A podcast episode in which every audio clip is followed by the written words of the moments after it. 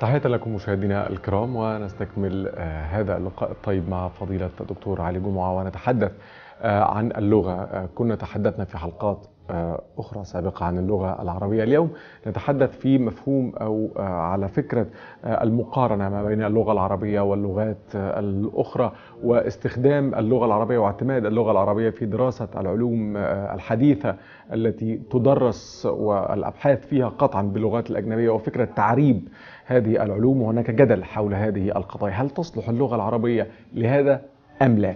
هذا الإطار سنناقشه إن شاء الله الآن مع فضيلة الأستاذ الدكتور علي جمعة أهلا بكم مولانا. أهلا وسهلا. أهلا وسهلا. مولانا في في لو وضعنا اللغة العربية في الميزان أمام أي لغة أخرى من من اللغات الأخرى هل اللغة العربية تتمتع بمزايا وقابلية أكبر لتحصيل واستيعاب العلوم والمعارف أم اللغات الأخرى؟ بسم الله الرحمن الرحيم. الحمد لله والصلاة والسلام على سيدنا رسول الله وآله وصحبه ومن والاه. هيا بنا نلقي نظرة عامة. نظرة عامة على اللغة العربية مثلا واللغة الإنجليزية التي هي أكثر شيوعا والتي استعملت في آه، لغة العلم آه، التجريبي والتي كثر فيها الاصطلاح وهيئت للترجمة إليها بطرق مختلفة حتى منها الحكاية الصوتية ال translation يعني مش الترجمة المباشرة إنما transliteration يعني الحكاية الصوتية. فالحقيقة إنه عندما جاءوا في العشرينات والثلاثينات وكانت هذه تشغل الناس كثيرا واشترك فيها آه، آه، عبد العزيز فهمي باشا واشترك فيها العقاد واشترك فيها طه حسين واشترك فيها مجموعة من الأدباء والمفكرين والمثقفين المصريين. وحدثت مقارنات وهم كانوا يعني العقاد ده مثلا مولود 1890 فلحق دلب فتربى إنجليزي إنجليزي يعني درس الإنجليزية من الإنجليز وذلك ولذلك كان يتكلم الإنجليزية ويكتبها ويكتب بها ويقرأها بطلاقه لكنه في الفرنسية كان يسمع وكان يقرأ لكن ما كانش يتكلم العقاد. فعملوا مقارنات. فاتضح إنه اللغة العربية يعني في صياغتها هي أوجز من اللغة الأخرى بمقدار ثلث الصفحة يعني ما يقرب من الربع يعني إيه؟ يعني في صفحة وتلت. صفحة وتلت دي معناها إيه؟ تلات تتلات وتلت يبقى أربع تربع يعني. خمسة وعشرين في المية الصفحة وتلت إنجليزي تتعمل في الصفحة عربي. فالتعبير باللغة العربية يقلل من الكلام. النص في اللغة العربية هو آه، نص وربع في لغات أخرى. في اللغات الإنجليزية. آه في اللغة الإنجليزية زي ما ترجم الإنجليزية. نعم. لما نيجي في مسألة إحصائية بسيطة تدل تعطي لنا ما ما يسمى يعني بالمشهد فنجد إن اللغة العربية فيها 80 ألف جذر 80 ألف جذر دول متولد منهم 2 مليون كلمة. بما يسمى بشجرة التصريف سموها في الإنجليزي بارادايم شجرة التصريف يعني ضرب يضرب ضربا ضراب مضرب مضرب كده بقى يعني كده. فيبقى عندك شبكة للتصريف كده.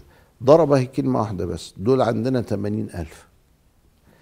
ال- الكلمات الشائعة في اللغة تلاقيهم مثلا في لغة العرب حوالي تقدر تتكلم عربي بإيه؟ ف ب 300 آه، كلمة ب 3000 كلمة.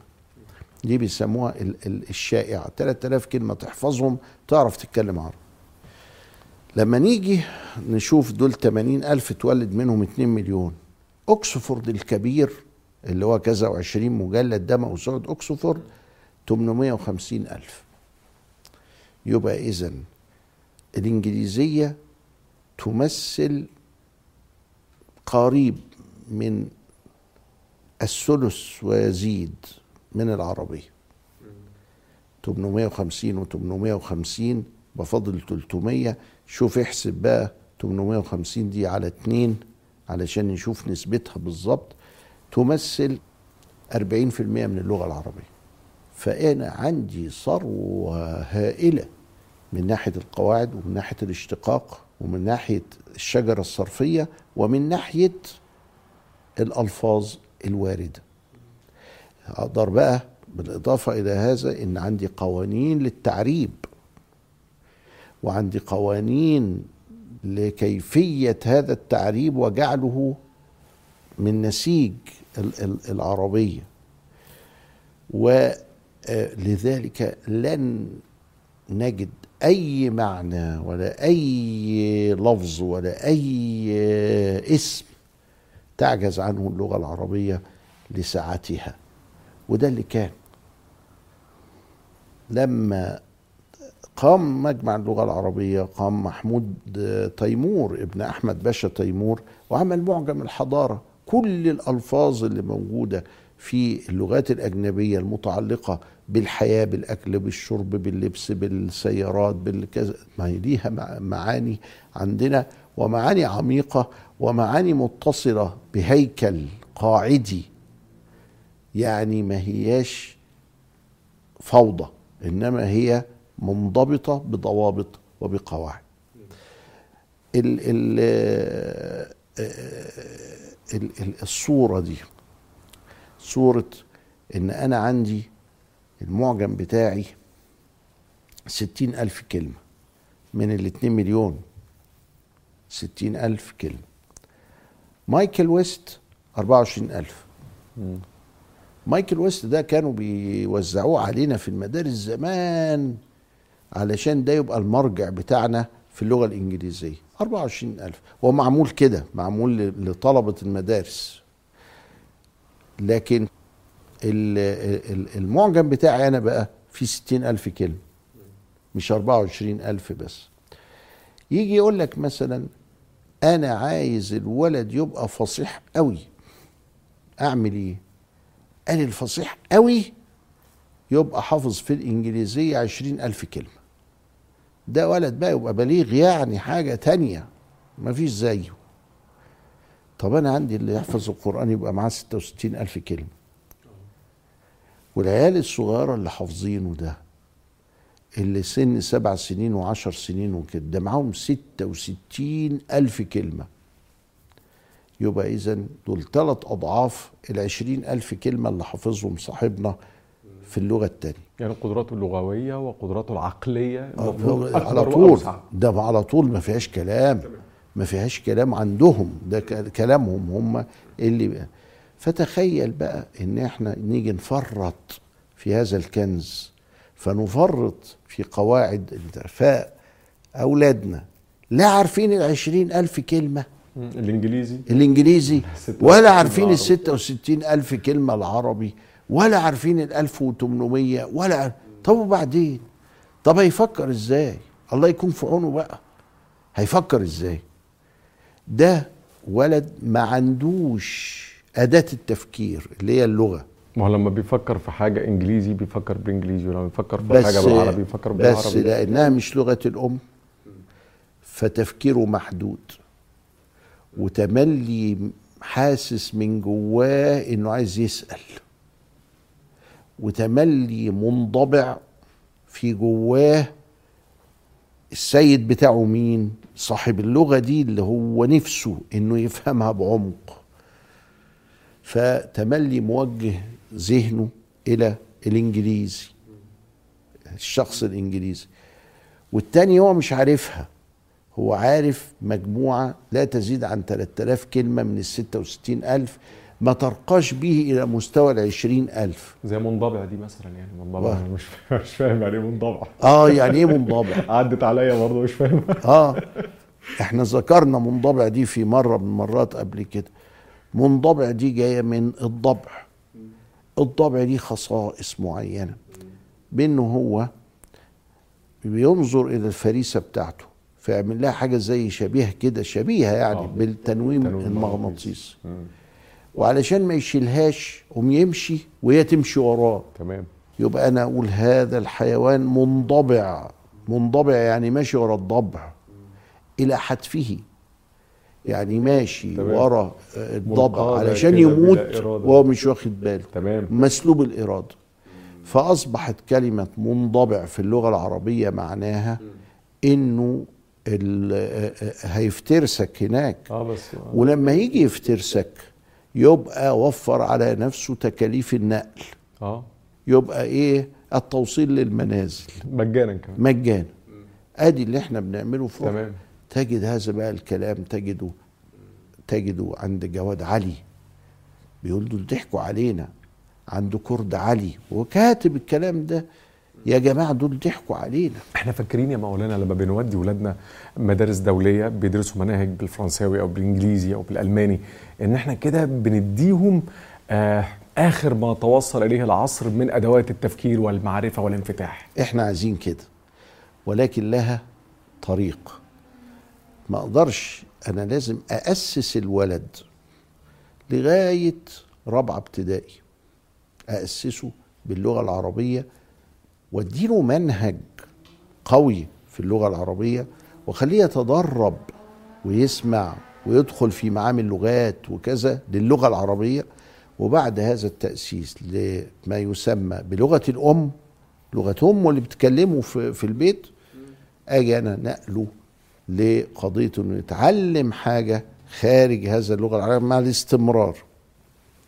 علمه فرنساوي وعلمه إنجليزي وعلمه كل ما وصلت إليه البشرية يوما بيوم ولحظة بلحظة وعلى ما يسمى بالحالة الراهنة للعلم.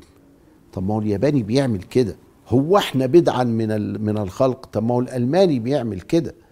طيب ما هو الصيني بيعمل كده. ولكن حينئذ يكون الأمر واضح بالنسبة لي. أدي لغتي ودي لغة تانية أنا عارفها. اتكلمها وأفهمها وأبحث فيها وبعمق. ولذلك أنت بتقول لي هل يا ترى اللغة دي قابلة للتدريس وكده؟ طب ما الشام ماشيين كده. ما كان العراق ماشية كده. التدريس في الطب في الهندسة في الرياضيات العليا في كذا كله بالعربية. حتى مجمع اللغة في دمشق. أصدر ما لا حصر له. من نتاج العرب ومصطلحاتهم في هذه العلوم عبر التاريخ. فإذا في تجربة تجربة سابقة على دلب عندنا تجربة باقية إلى الآن في العالم العربي تجربة بتكذب احتياجنا إلى اللغة الأجنبية ولا تقلل من أهمية تعلم اللغة الأجنبية في وقتها وبشروطها. طيب أظهرك بعد الفاصل يعني أعلم أسر أولادهم في مدارس إنجليزية ويعطوهم كورسات مثلا تدريبية في آه، لغة أخرى مثلا في الفرنسية أو الألمانية. فالولد المفروض يحصل العربية والإنجليزية في الدراسة ثم الفرنسية أو الألمانية كلغة ثالثة أو رابعة. ففي سن مبكرة جدا دون العاشرة. خطورة ده إيه على هذا الجيل. وثانيا البعض بيقول إن هو لأن اللغة العربية فقدت هيبتها على المستوى العالمي. هيخرج لما يسافر كامبريدج مثلا يروح يقول لهم أنا بتكلم عربي؟ هروح ادرس عندكم بالعربي ولا هاجي ادرس باللغة الانجليزية؟ إن شاء الله بعد الفاصل خليكم معانا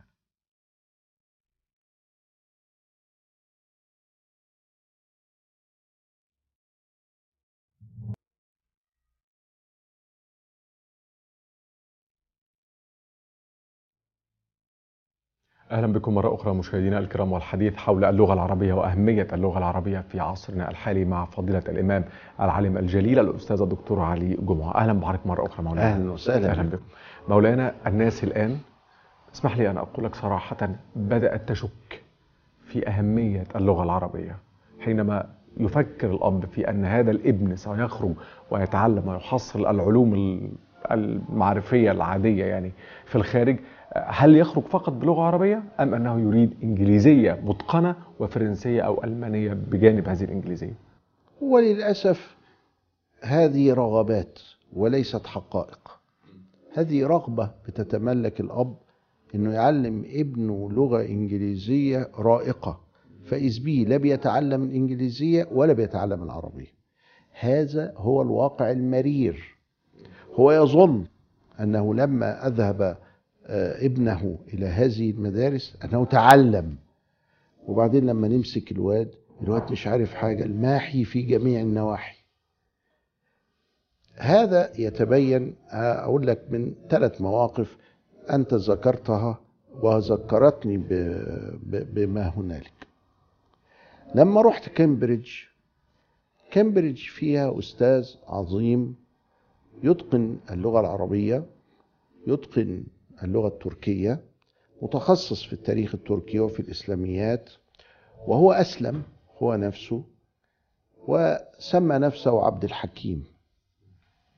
وهو اسمه أو العائلة وينتر فسمى نفسه عبد الحكيم مراد. وعبد الحكيم مراد يتكلم العربية ويفهمها ويكتب بها آه، ولكنه لم يتعلمها سن أربع سنوات وخمس سنوات بل تعلم الإنجليزية وأتقنها ثم تعلم تلك اللغات في مراحل بقى تالية. يعني. مم.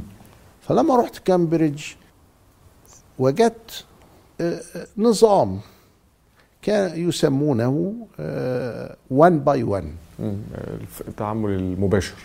واحد لواحد. لواحد آه. يعني في أستاذ ماسك تلميذ. وممكن يكون ماسك تلميذين ثلاثة لكن في الجملة هو في واحد التلميذ بيرجع للأستاذ ده وبيتفاعل معاه وبيعرف معاه. فقلت له دي فكرة رائقة. الدكتور ال- اللي معانا ال- الإنجليزي اللي مش عارف عربي قال لي وهل تعلم من أين أتينا بهذا النظام؟ نظام 1 باي 1 قلت له لا. قال لي من الأزهر الشريف. يبقى إحنا ما هو في ناس خيبتها السبت وفي ناس خيبتها الحد وفي ناس خيبتها ما وردت على حد. نعم عارفين إيه؟ فهم عارفين هذا الفضل. والراجل بيتكلم عربي في وسط كامبريدج وعامل مدرسة لتعليم العربي وتعليم الدراسات دي باحترام وإحنا بنروح نعلم إنجليزي علشان كذا. أدي ده موقف أدي ده وضع وان باي وان من من من من الأزهر الشريف. القضية الثانية سافرت آه، بنتي وزوجها إلى أمريكا وعاشوا فيها لأنه يعيش هناك ويدرس هناك في جامعات أمريكا إلى آخره وخلفوا. فعرضت عليهم وقلت لهم الله يخليكم لابد من اللغة العربية أن الأطفال ياخدوها في قبل العمر. فجم قعدوا في مصر. وتكلموا العربية. وأتقنوها وهم يتقنون بعد ذلك اللغة الإنجليزية. أمريكان. مع- معاهم الجنسية الأمريكية. ف لما جم استاءوا جدا من النظام التعليمي. أدخلناهم مدارس إنجليزي دولية علشان نصل لهدف أخينا ده اللي فاكر إنه هيتعلمه. كله غلط. يبقى إحنا بنضحك على إحنا بنضحك على أنفسنا. كله غلط. ففروا مرة أخرى إلى أمريكا علشان يتعلموا الصح. يبقى إحنا بنضحك على أنفسنا.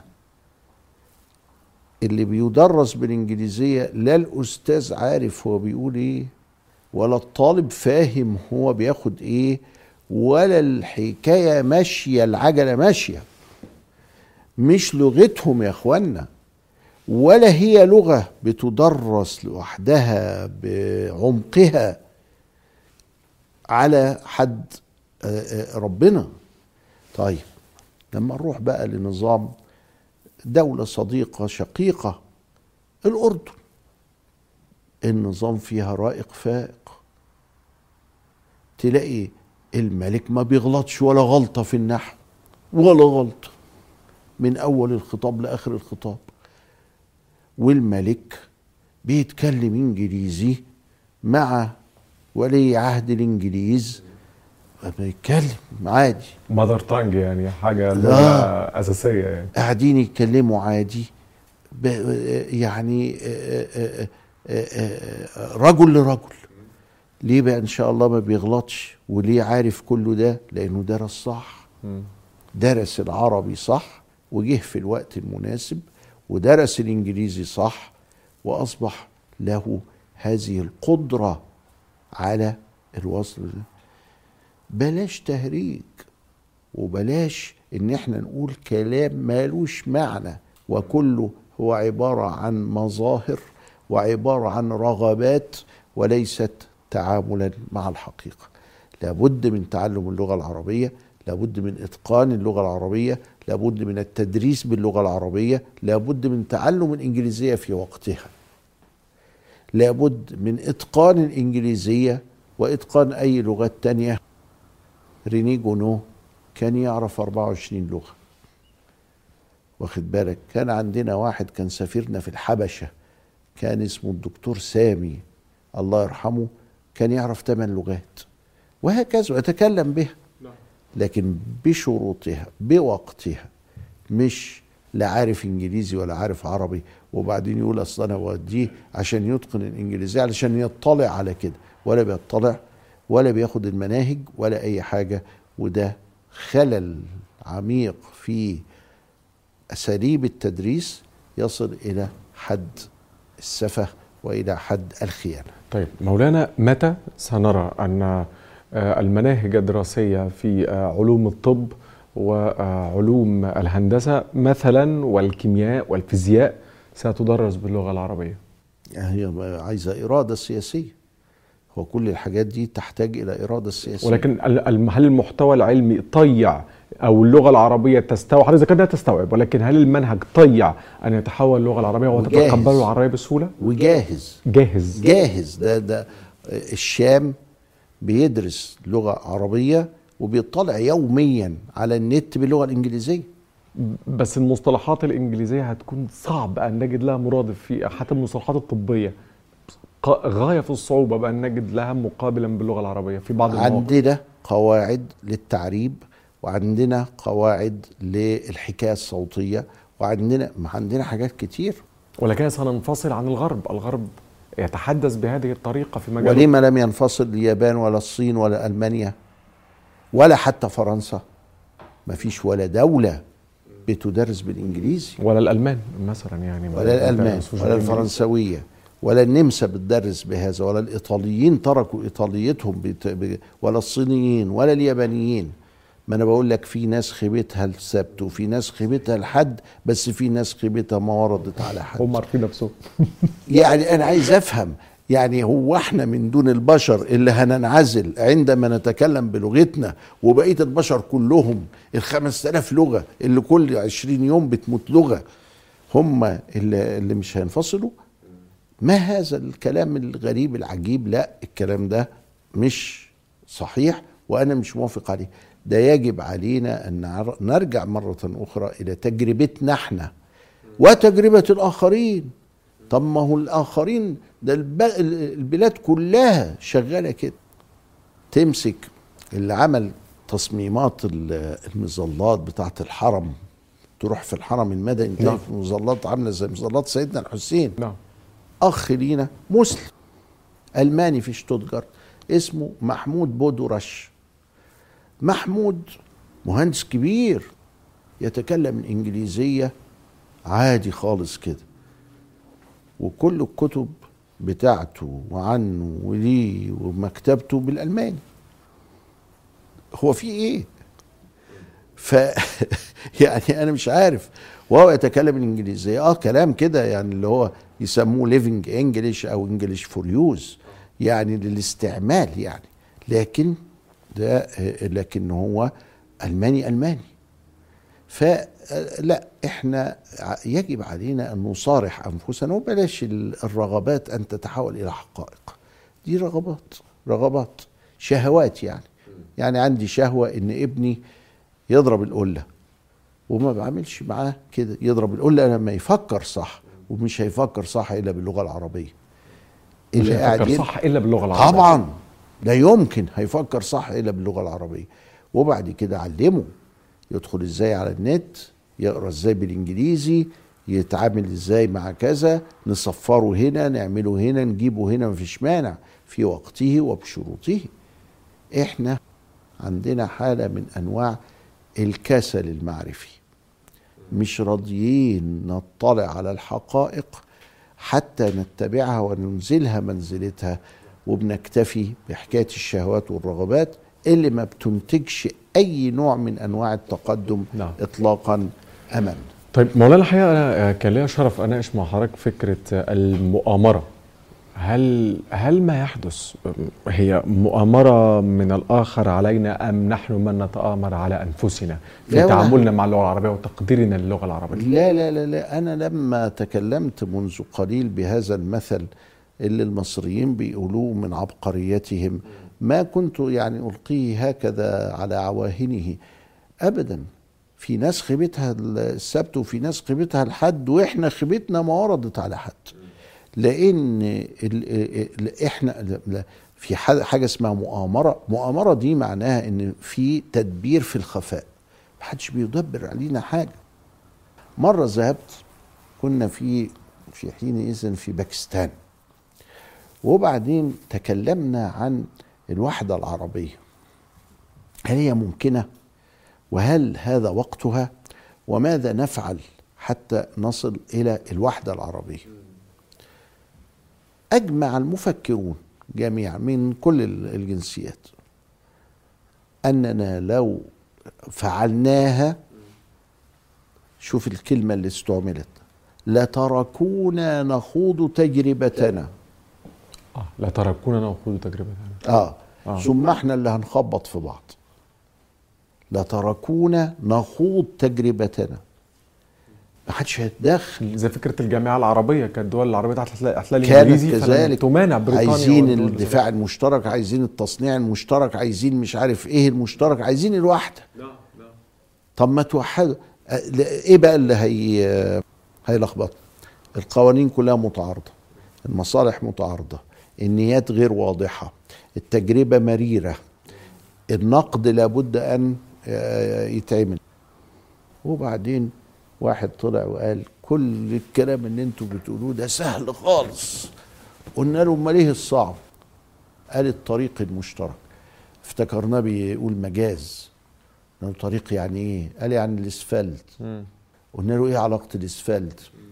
قال الرئيس الأمريكي 1950 قال إن ال highway هو أمريكا.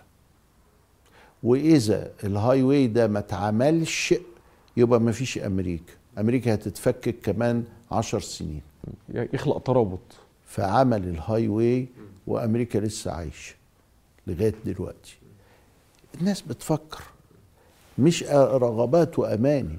فين اللي بيجيب لي من طنجة إلى جاكرتا ومن غانا إلى فرغانة عشان بعد كده ندعو إلى؟ الطريق. طب فين الطريق الدولي اللي عندي؟ مفيش. ده أنا لما جيت سلمت علشان المعاهدات وعلشان كذا الجزيرتين أم الناس قاعدة تتنطط يا عيني 30% يقول لك آه وفق الاحصائيه إحصائية. من فترة المركز آه. بصيرة يعني 30% آه، من المصريين. يقول لك يروها 30% مصريين بيقول لك لا دول مصريين. طب ما المصريين يبقى هيدخلوا في كامب ديفيد طب يبقى ما فيش الجسر يبقى الفرص الضائعة اللي قاعدين نضيع فيها إحنا مالنا بقى ومال الحكومة ومال الحاكم ومال كذا ومال كذا. ده إحنا قدامنا فرصة تاريخية لعمل ذلك الطريق الذي عملوه الأمريكان سنة 50 يعني من 66 سنة فاتت علشان يفوقوا وي- وي- وي- وينتجوا ويتعدوا كل هذه المحن والإحن وهي دولة هشة. تسقط لوحدها كده لكن بقيت بالطريق ده. بارك الله فيكم مولانا جزاكم الله خير. أهلا وسهلا. شكرا جزيلا لحضرتك. شكر موصول لكم. إلى اللقاء.